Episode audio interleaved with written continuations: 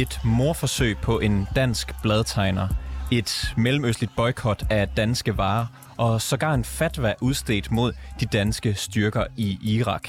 Det var bare nogle af reaktionerne efter Jyllandsposten den 30. september 2005 gav 12, udgav 12 tegninger, hvor langt de fleste forestillede den islamiske profet Mohammed. I lørdags der udkom så en ny bog, som hedder Den forkerte Mohammed-tegner og andre nuancer på karikaturkrisen. Og en af de 12 Mohammed-tegnere, de medvirker i bogen. Bogens påstand er, at hele Mohammed-krisen faktisk er bygget på en løgn fra forfatter Korb Blytgen. Han påstod nemlig i sin tid, at ingen turde illustrerer profeten Mohammed til sin børnebog.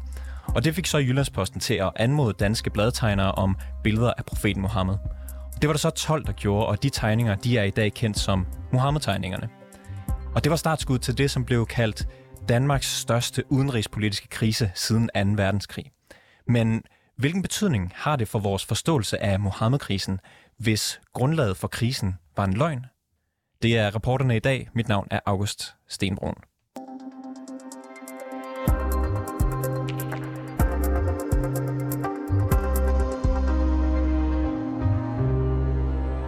Og til at tale om det har jeg inviteret dig, Christian Markusen. Velkommen til. Tak skal du have. Du er debattør og skribent på Berlingske, og så kalder du den her nye bog for, citat, en regulær katastrofe. Ja. Hvad er det katastrofale ved bogen? Det katastrofale er, at det er en bog, der øh, markedsfører sig selv som værende en bog, der øh, skal være fornuftens stemme. Den kommer som, som øh, med, noget, med noget ny fakta og med nogle nuancer, og, og ligesom Øh, skal placere sig mellem to poler. På den ene side de her, øh, altså folk, der går ind for øh, Jyllandsbostens tegninger, og på den anden side øh, islamisterne. Og så kommer den her bog som sådan fornuftens stemme. Og sandheden er, at det er en bog, der er øh, meget ideologisk. Den er præget, synes jeg, af øh, forfatterens agenda, og ikke mindst øh, den, øh, den Mohammed-tegner Lars Reffen, som hun har med i bogen, som er sådan den, den øh, gennemgående stemme, at det bliver ligesom øh, det bliver deres fortælling om, om, om krisen, øh, som, som kommer til at præge den her. Så jeg synes, den, det er et udtryk for at vi omskrive øh, øh hvad skal vi sige, historien, og Lars Reffen er som bekendt, øh, han, var, han var modstander, han tegnede godt om tegning, men han var modstander af Jyllandspostens tegninger. Og det er ligesom, det gennemsyrer den her bog. Du kritiserer blandt andet bogen for at ville ændre narrativet om Mohammed-krisen, og at bogen forsøger at bilde læserne ind, at den her krise er bygget på en løgn, og det var også det, jeg talte om lige før. Hvordan er bogens narrativ om Mohammed-krisen anderledes fra dit narrativ? Mit narrativ, det vil sige det narrativ, som, øh, som er øh, sådan, som tingene skete, øh, så er den anderledes ved, at den, øh, den, ja, som du siger, den prøver at bilde læseren ind, at det hele er baseret på en løgn, og at det også er, har betydning for krisen. Øh, og den her løgn, det, det er så, at Kåre Bytgen, han, han var ude at sige, jeg kan ikke finde nogen til at illustrere den her bog. Og, øh, og der har hun så, forfatteren, øh, hun, kan ikke, hun kan ikke dokumentere, at det, er en, at det er en sand historie, og så konkluderer hun på baggrund af den, at det er en løgn. Og det spiller sig ind i det her narrativ omkring, at øh, det handler slet ikke om ytringsfrihed, det handler om at slå på muslimer. Øh, det hele er bare en, en løgn, fordi at, øh, at man, ja, man vil gerne have muslimer ned med nakken.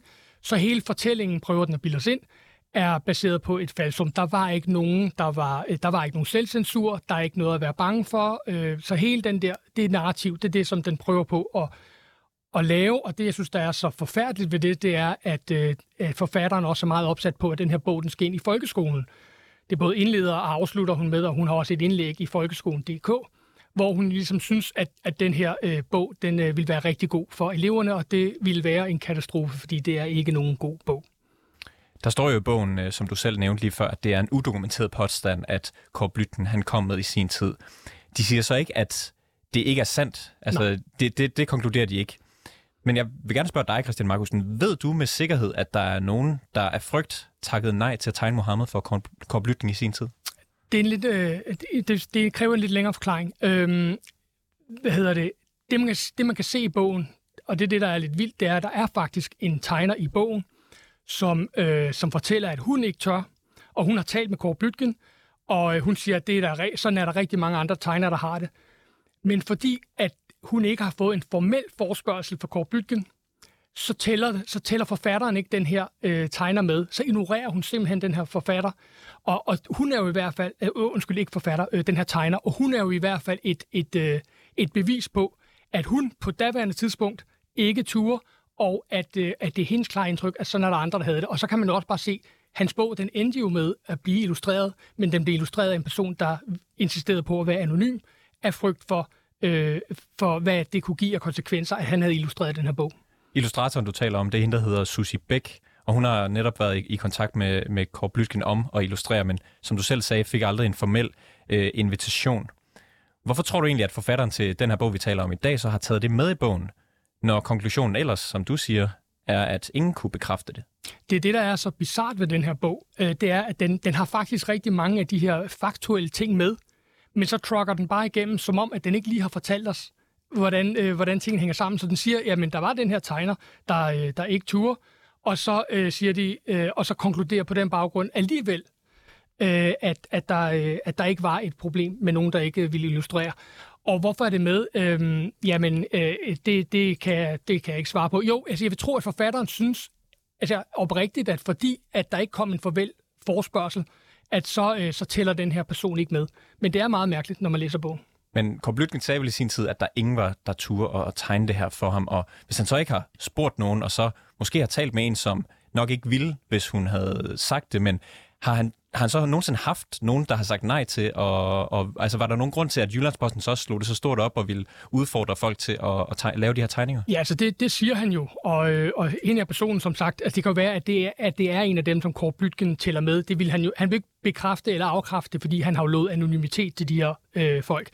Øhm, men, men, men det, der også er det underlige, det er, at selv hvis Kåre Blytgen løg, selv hvis hele den fortælling var løgn, så så ved vi jo bare, at der både før, under og efter krisen, var folk, der se, øh, selvcensurerer sig selv. Altså, øhm, hvad hedder han, øhm, Flemming Roses indledende, eller Flemming Roses tekst, der kom sammen med tegningerne, den indleder faktisk med Frank Vam, som siger, citat, at han ikke tør tage pis på islam eller Koranen. Jeg kan ikke lige huske præcis, hvad det han siger. Øhm, det er simpelthen den indledende sætning. Øh, og, og så kommer det med nogle andre eksempler fra nogle, øh, nogle kunstmuseer, der har fjernet tegninger, eller fjernet nogle øh, kunstværker. Og vi ved også for eksempel, at der var øh, oversættere, der ikke tog oversætte Ariane Hirsialis øh, bøger, øh, medmindre det var anonymt. Og ja, så ved vi jo også, at Kåre Blytgens illustrator i sin tid øh, var ville være anonym. Så man kan sige, selv om Kåre Blytgen er, at det slet ikke passer, så ændrer det faktisk ikke grundlæggende ved, ved, øh, ved Jyllandspostens øh, projekt. Og så alligevel så øh, går du på Facebook, du går på Twitter og er meget sur over, at, at man, øh, eller i hvert fald er uenig. Jeg er øh, uenig, jeg er ikke sur. Med, men du i hvert fald, du føler et behov for offentligt at, at tale om, at, at det her ikke er korrekt, som du ser det. Mm. Hvad er de negative konsekvenser så ved, at der er blevet skrevet den her bog? Det negative er, altså hvis den bare øh, bliver skrevet og glemt, hvad jeg håber, så er det jo ikke noget problem. Men det negative er som sagt, at den her forfatter rigtig gerne vil have den ind i folkeskolen, og det gør, at vi får nogle elever, hvis det, hvis det lykkes, det projekt, at få det ind der, at vi får nogle elever, der øh, simpelthen grundlæggende ikke forstår, hvad det er, der er på spil, ikke, øh, bliver bildt ind, at, det, at Jyllandspostens projekt ikke handlede om ytringsfrihed, det handlede om at slå på muslimer, nogen det er synd for, Øhm, og at terrortruslen den var overdrevet, der er ikke nogen selvcensur. Altså de får simpelthen et forkert billede af, hvad det var for en situation, man stod i på det tidspunkt, som er øh, kort efter, at øh, hvad hedder han, øh, Theo van Gogh, den hollandske filminstruktør, blev slået ihjel for at have lavet en film. Øhm, og Ayan Hirsi som jeg nævnte før, hun blev øh, truet på livet. Så, så det var ligesom, øh, det, det, den, det er sådan optakten øh, op til, til hele den her situation. Så, så stemningen var bare en anden, end bogen den øh, prøver at tilkendegive. Bogens undertitel, den er jo og andre nuancer af karikaturkrisen, og vi har talt meget om det her Kåre Blytgens løgn eller ej. Er der, hvilke andre nuancer i den her bog, mener du, er problematiske eller katastrofale, som du nævnte i dit Facebook-opslag? Øh, der er for eksempel, øh, hvis jeg lige kan nævne to ting. Øh, den, den ene er, og den er måske ikke katastrofal, men det er bare sådan, at, øh, at bogen gør meget ud af at, at spørge sig selv, er der eller er der ikke et billedforbud i islam? Og der kan man sige, øh, det er sådan set ligegyldigt, øh, hvis du selv censurerer dig selv, om, eller folk kommer og vil slå dig ihjel, om det er fordi, at du øh, har trodset et billedforbud, eller om de bare synes, at du har gjort noget fornærmende. Øh, så det synes jeg er sådan en underlig ting at, at fokusere på. Og øhm, øh, så er der også noget med, at den nedtoner hele terrortruslen. Altså, den har, den har et, øh, en, en passage, der, hvor den simpelthen, og det er ikke løgn, den udregner simpelthen, hvad chancen er for, at man dør i et terrorangreb som er 0,00000 et eller andet. Og det er jo en sådan en fundamental misforståethed. Øh, det, så har man simpelthen ikke grundlæggende forstået, hvad det er, der er på spil. Når folk selv censurerer sig selv, så går man jo ikke og regner på, øh, hvad chancen er, eller om den er større for at dø i badekar. Så det er simpelthen, øh, det er simpelthen fordummende. Du, du siger det her om, at den stiller spørgsmålstegn ved, om det overhovedet er ytringsfrihed, der var det, den her krise handlede om. Tror du, der kan være det på spil, at du og for eksempel Lars Reffen definerer ytringsfrihed forskelligt? Øh, nej, det, det tror jeg simpelthen ikke. Øh, det tror jeg ikke, vi gør, men jeg tror, vi har meget forskellige syn på, øh, hvad, hvad, øh, hvad, altså helt konkret så Lars Reffen mener jo ikke, at islam er noget, man skal satirisere, fordi det er synd for muslimer, de er et mindretal osv., og det er jeg jo øh, grundlæggende uenig i. Jeg mener, at alle religioner og alle idéer øh, skal kunne kritiseres og, øh, og laves satire over. Så det, det er nok mere noget med, hvor vi sætter barn, og hvem vi synes, det er synd for, og hvad det har betydning. Jeg tror, vores syn på grund, øh, ytringsfrihed er nok, øh, er nok det samme. Du går øh, personligt efter Lars Reffen i, i dit tweet på baggrund af den her bog. Jeg skal tale med ham lige om et øjeblik. Han træder faktisk ind ad døren i, i dette sekund. Øhm, er der noget, du gerne vil spørge ham om? Uha, det har jeg ikke forberedt på. Øhm, Bare sig det til mig, så kan jeg sige det videre til, til Lars. Øh. Ja, øh, jamen, øh, jamen jeg, er da, jeg er da nysgerrig på, øh, om, om han mener, at ytringsfriheden øh, er truet. Christian Markusen, debattør og skribent på Berlingske. Tusind tak, fordi du var med i programmet. Selv tak.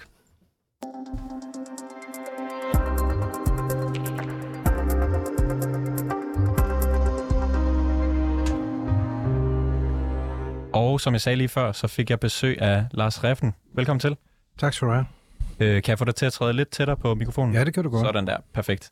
Øhm, du har medvirket i bogen Den Forkerte Mohammed-tegninger. Øh, tegner. Undskyld, tegner, undskyld. Og så er du en af de 12 oprindelige Mohammed-tegnere. Ja. Øhm, hvad tænker du om øh, Markusens kritik af dig og bogen? Jeg synes, det er en... Øh en hård og lidt dum kritik. Altså, han er jo, han er jo forholdsvis personlig i sit angreb. Øh, og, og jeg synes, det er i orden at være uenige. Vi, vi er nok øh, ret fundamentalt uenige. Øh, noget af det sidste, I snakkede om, var jo lige præcis det med definitionen af ytringsfrihed. Øh, og der har jeg indtryk af, modsat hvad han sagde, at vi er ret uenige om, hvad ytringsfriheden overhovedet går ud på, fordi øh, der er mange der snakker om ytringsfriheden, som var det sådan en naturkonstant, altså lidt i retning af tyngdekraften, sådan et eller andet, der bare er der, ikke? Men tø- ytringsfriheden er jo noget, vi alle sammen bliver enige om øh, i en eller anden form for social sammenhæng eller national sammenhæng. Og jeg er jo øh, meget, meget glad for at leve i et land, hvor vi har en høj grad af ytringsfrihed. Men nogen egentlig ytringsfrihed kan man jo ikke sige øh, som sådan noget, man kan sige hvad som helst, hvor som helst, om hvem som helst. Altså, jeg føler mig, der er krænket på min ytringsfrihed, når øh, han angriber mig så hårdt, som han gør på de sociale medier, fordi det er jo noget, der har en indflydelse på, om hvorvidt jeg føler, at jeg kan tillade mig at udtrykke mine holdninger. Jeg har prøvet at nuancere øh, tegnerkrisen ved at være medvirke i det her projekt, og det bliver jeg overfaldet for at gøre. Det er jo i sig selv et, øh, en måde at sætte ytringsfrihed under pres på. Og lad os lige sætte scenen for den her, fordi hvis folk ikke lige kan huske at hver en af de 12 Mohammed-tegner, så er klart. din, øh, jeg var for eksempel ni år, da, da de blev trygt. Øh, ja, Mohammed til verden. Mange tak. Øh, din Mohammed-tegning, den forestiller en underviser ved navn Mohammed, der er Nej, med sin... det er en skoleelev. En skoleelev ved navn Mohammed. Ja. Beklager. Øh, der med sin pegepind peger på en tavle, hvor der står med arabisk skrift, noget der kan oversættes til dansk. Jyllandspostens re- redaktion er en flok reaktionære provokatører. Ja, højorienterede provokatører. Det er nogenlunde, hvad der står. Det står jo på, på farsi, man skrevet med det arabiske alfabet, for at gøre det en lille smule tricky. Øh, du skal tænke det er på, også blevet for mig. Til ja, ja, men du skal også tænke på, at Jyllandsposten dengang havde sådan et payoff, der hed Danmark har en international avis. Øh, og, og så morede jeg mig jo bare over, at de ikke engang havde givet sig den umage og læse den tekst, der stod på tavlen. Det kunne være, at de havde haft en, der kunne arabisk på redaktionen. Det kan godt læses af en araberne, men det havde jeg tjekket. Øh, og, og det var jo så Kristi Dagblad af alle, der nogle dage efter fik læst teksten, øh, og så rullede den lille sidehistorie. Og selvom du i din Mohammed-tegning ikke altså gør nar Jyllandsposten og ikke gør nar profeten, som jo måske var det, der var opgaven. Har du så fortrudt dit bidrag til, til, de her, øh, til Jyllandsposten? Nej, absolut ikke. Jeg synes, det har været rigtig festligt at gøre grin med Jyllandsposten, men jeg vil nok anholde det, du siger med, at alle gjorde grin med profeten. Jeg synes i virkeligheden ikke, der måske var nogen, der, der i den forstand gjorde grin med profeten. Der var nogen, der gjorde grin med nogle religiøse ting, men der var jo også en af tegningerne, der, der øh, karikerede Kåre Blybken, øh, hvad der jo i sig selv måske kan opfattes som lidt smule absurd. Altså den, den øh, egyptiske ambassadør, som var en kvinde på det tidspunkt, hun sagde, de har tegnet vores profet uden skæg. øh, som en idiot uden skæg. Og der må man bare sige, at det var en karikatur af Kåre Blygman og ikke af deres profet. Så, så på den måde indeholdt hver enkelt tegning, og det er måske også noget af det, jeg anholder ved den store debat, der er på, på øh, de sociale medier i øjeblikket, det er jo, at man opfatter denne her gruppe af Mohammed-tegnere som sådan en homogen gruppe. Vi alle sammen uher kæmpet imod Mohammed og ned med, med de muslimerne. Men i virkeligheden er der jo 12 helt forskellige små historier og små anekdoter, der knytter sig til de tegninger. Vi hørte fra Christian Markusen før, at øh, han mener, at den her nye bog, Den forkerte Mohammed-tegner, som du medvirker i, øh, skal bilde læserne ind, at hele Mohammed-krisen er bygget på en løgn. Bogen konkluderer nemlig, at ingen har kunne bekræfte børnebogsforfatter Kåre Blyt, som du nævnte før, hans påstand om, at han ikke kunne finde nogen illustratorer til at afbillede profeten Mohammed. Mener du, at Kåre Blytning har løjet? Ja, det gør jeg sådan set. Altså, nu skal du tænke på, at jeg har ikke skrevet bogen. Jeg har fortalt en hel masse anekdoter om mine øh, 17 år og 8 måneder med Mohammed-krisen. Øh, og det er klart, at noget af det, som jeg har fortalt til forfatteren øh, Mette Vinding Top, det har jo været, at, øh, at øh, jeg har snakket med Kåre Blybken, jeg har snakket med nogle af de tegnere, før nævnte I Susie Bæk, som er en af mine gode venner gennem mange år. Og det er jo noget, vi har snakket om. Og det er klart, at alting kan grædbøjes, også et nej. Øh, men men øh, jeg tror, at Kåre Blybken har øh, haft en fornemmelse af, at det måske kunne blive mere spændende at lave bogen, efter at have været ude med sådan en påstand. Og jeg vil gerne lige nuancere, fordi det er jo det, det hele handler om, noget af det, som blev sagt lige før, nemlig at øh, vi kan kalde ham Peter, der endte med at tegne til bogen, at han havde bedt om at være anonym. Det havde han faktisk ikke. Øh, sjov nok, så er han også en mand, jeg har mødt og snakket med. Han fik at vide af forlaget, at det var en god idé at optræde anonymt. Det kan man sige, det er to sider af samme mønt, men det er dog ikke helt det samme.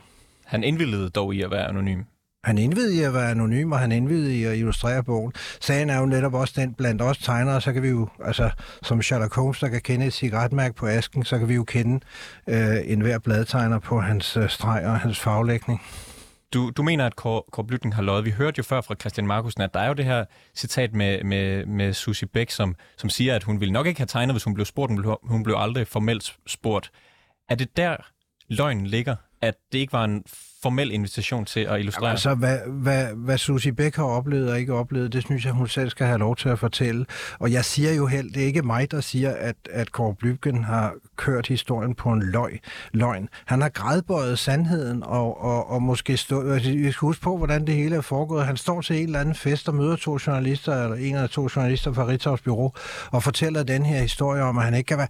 Altså, vi kender det jo alle sammen. Vi har været varmet lidt op til en fest, og så står vi og, og gør os selv lidt mere interessante, end vi er. Øh, og det skal Kåre Blybken selvfølgelig have lov til at gøre. Man kan bare sige, at han var medvirkende til at starte en lavine, men det var jo aldrig lykkedes ham at starte den her lavine, hvis ikke Jyllandsposten var gået ind i det og brugt bladtegner og ikke illustratorer til at lave siden.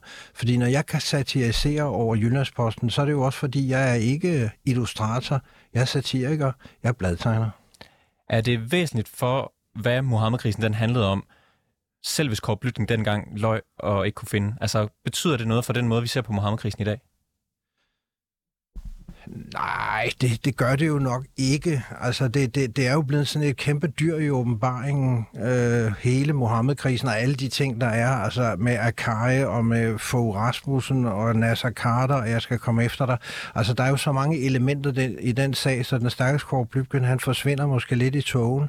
Øh, jeg synes, man skal holde fast i kritikken, ikke af Kåre Blybken, men af, men af Jyllandsposten. Altså, også fordi Jyllandsposten er en journalistisk arbejdsplads, øh, og når en forfatter siger til dem, jeg kan ikke få nogen til at tegne til min bog, så det første, de skal gøre, det er at lave journalistens fornemmeste opgave, researcher, gå ud og finde ud af, er det rigtigt, hvad manden siger? Kan vi finde nogen, der har sagt nej? Og så starter vi lavinen. De starter lavinen, og de går ikke engang ind bagefter og prøver at, at finde ud af noget som helst.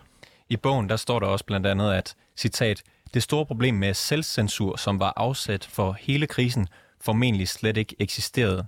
Men nu har jo så været den her Mohammed-krise. Viser det ikke, at altså, alle de her reaktioner, jeg nævnte dem i starten af interviewet, fatwa og øh, brændende Dannebrogsflag og boykot af danske varer, at der var grund til at frygte at tegne profeten Mohammed?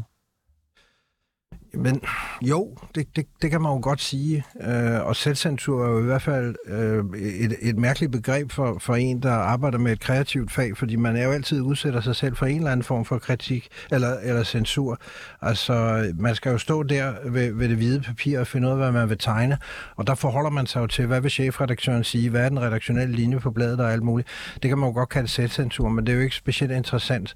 Øh, altså, jo, men, men måske var det bare hele projektet, der var forfejlet, fordi man er også nødt til at sige, jo, vi kan godt tegne Mohammed, og det viser sig jo også med vores, øh, vores øh, svenske ven Lars Vilks, ære være hans minde. Han gik jo også i gang med at, øh, at øh, sige, at han havde tegnet en hund med, med et menneskehoved med skæg på. Det er Mohammed, siger han så, ikke? Altså, du kan jo tegne hvad som helst, og så sige, det er Mohammed. Sådan, sådan kan man jo sagtens agere, øh, og det er måske der censuren skal komme ind, at man ligesom udviser en lille smule øh, rettighed, eller rigtighed. Nu, nu bliver der fortalt en hel masse om, hvad der foregik i årene omkring Mohammed-krisen. Og jeg vil så nævne, at, at Danmark tre år tidligere var gået med USA ind i Irak på noget, der nu efterfølgende har vist sig at være en løgn. Og der tør jeg godt sige, der taler om en løgn. Sidste spørgsmål. Øh, hvilke konsekvenser har den her Mohammed-krise egentlig haft for dig personligt? Ved du hvad? Der kan jeg komme med en klar anbefaling. Køb bogen og læs den, fordi den er fyldt med anekdoter om, hvad jeg har været ude for. Og, og det er selvfølgelig småting i forhold til, hvad nogle af mine kolleger har været ude for, det kan man roligt sige. Øh, men, men det er klart, at det har påvirket mit liv og påvirket min holdning til rigtig mange ting. Lars Reffen, tusind tak, fordi du var med i programmet. Tak fordi jeg måtte. Du medvirkede altså i bogen Den Forkerte Mohammed-tegner og er en af de 12 Mohammed-tegnere. Vi har også øh, kontaktet forfatteren bag bogen, Mette Vending Top, men hun har ikke ønsket at medvirke i udsendelsen. Tak fordi I lyttede med til reporterne i dag. Bag historien var Peter Marstal, Mille Ørsted er redaktør, og mit navn er August Stenbrun.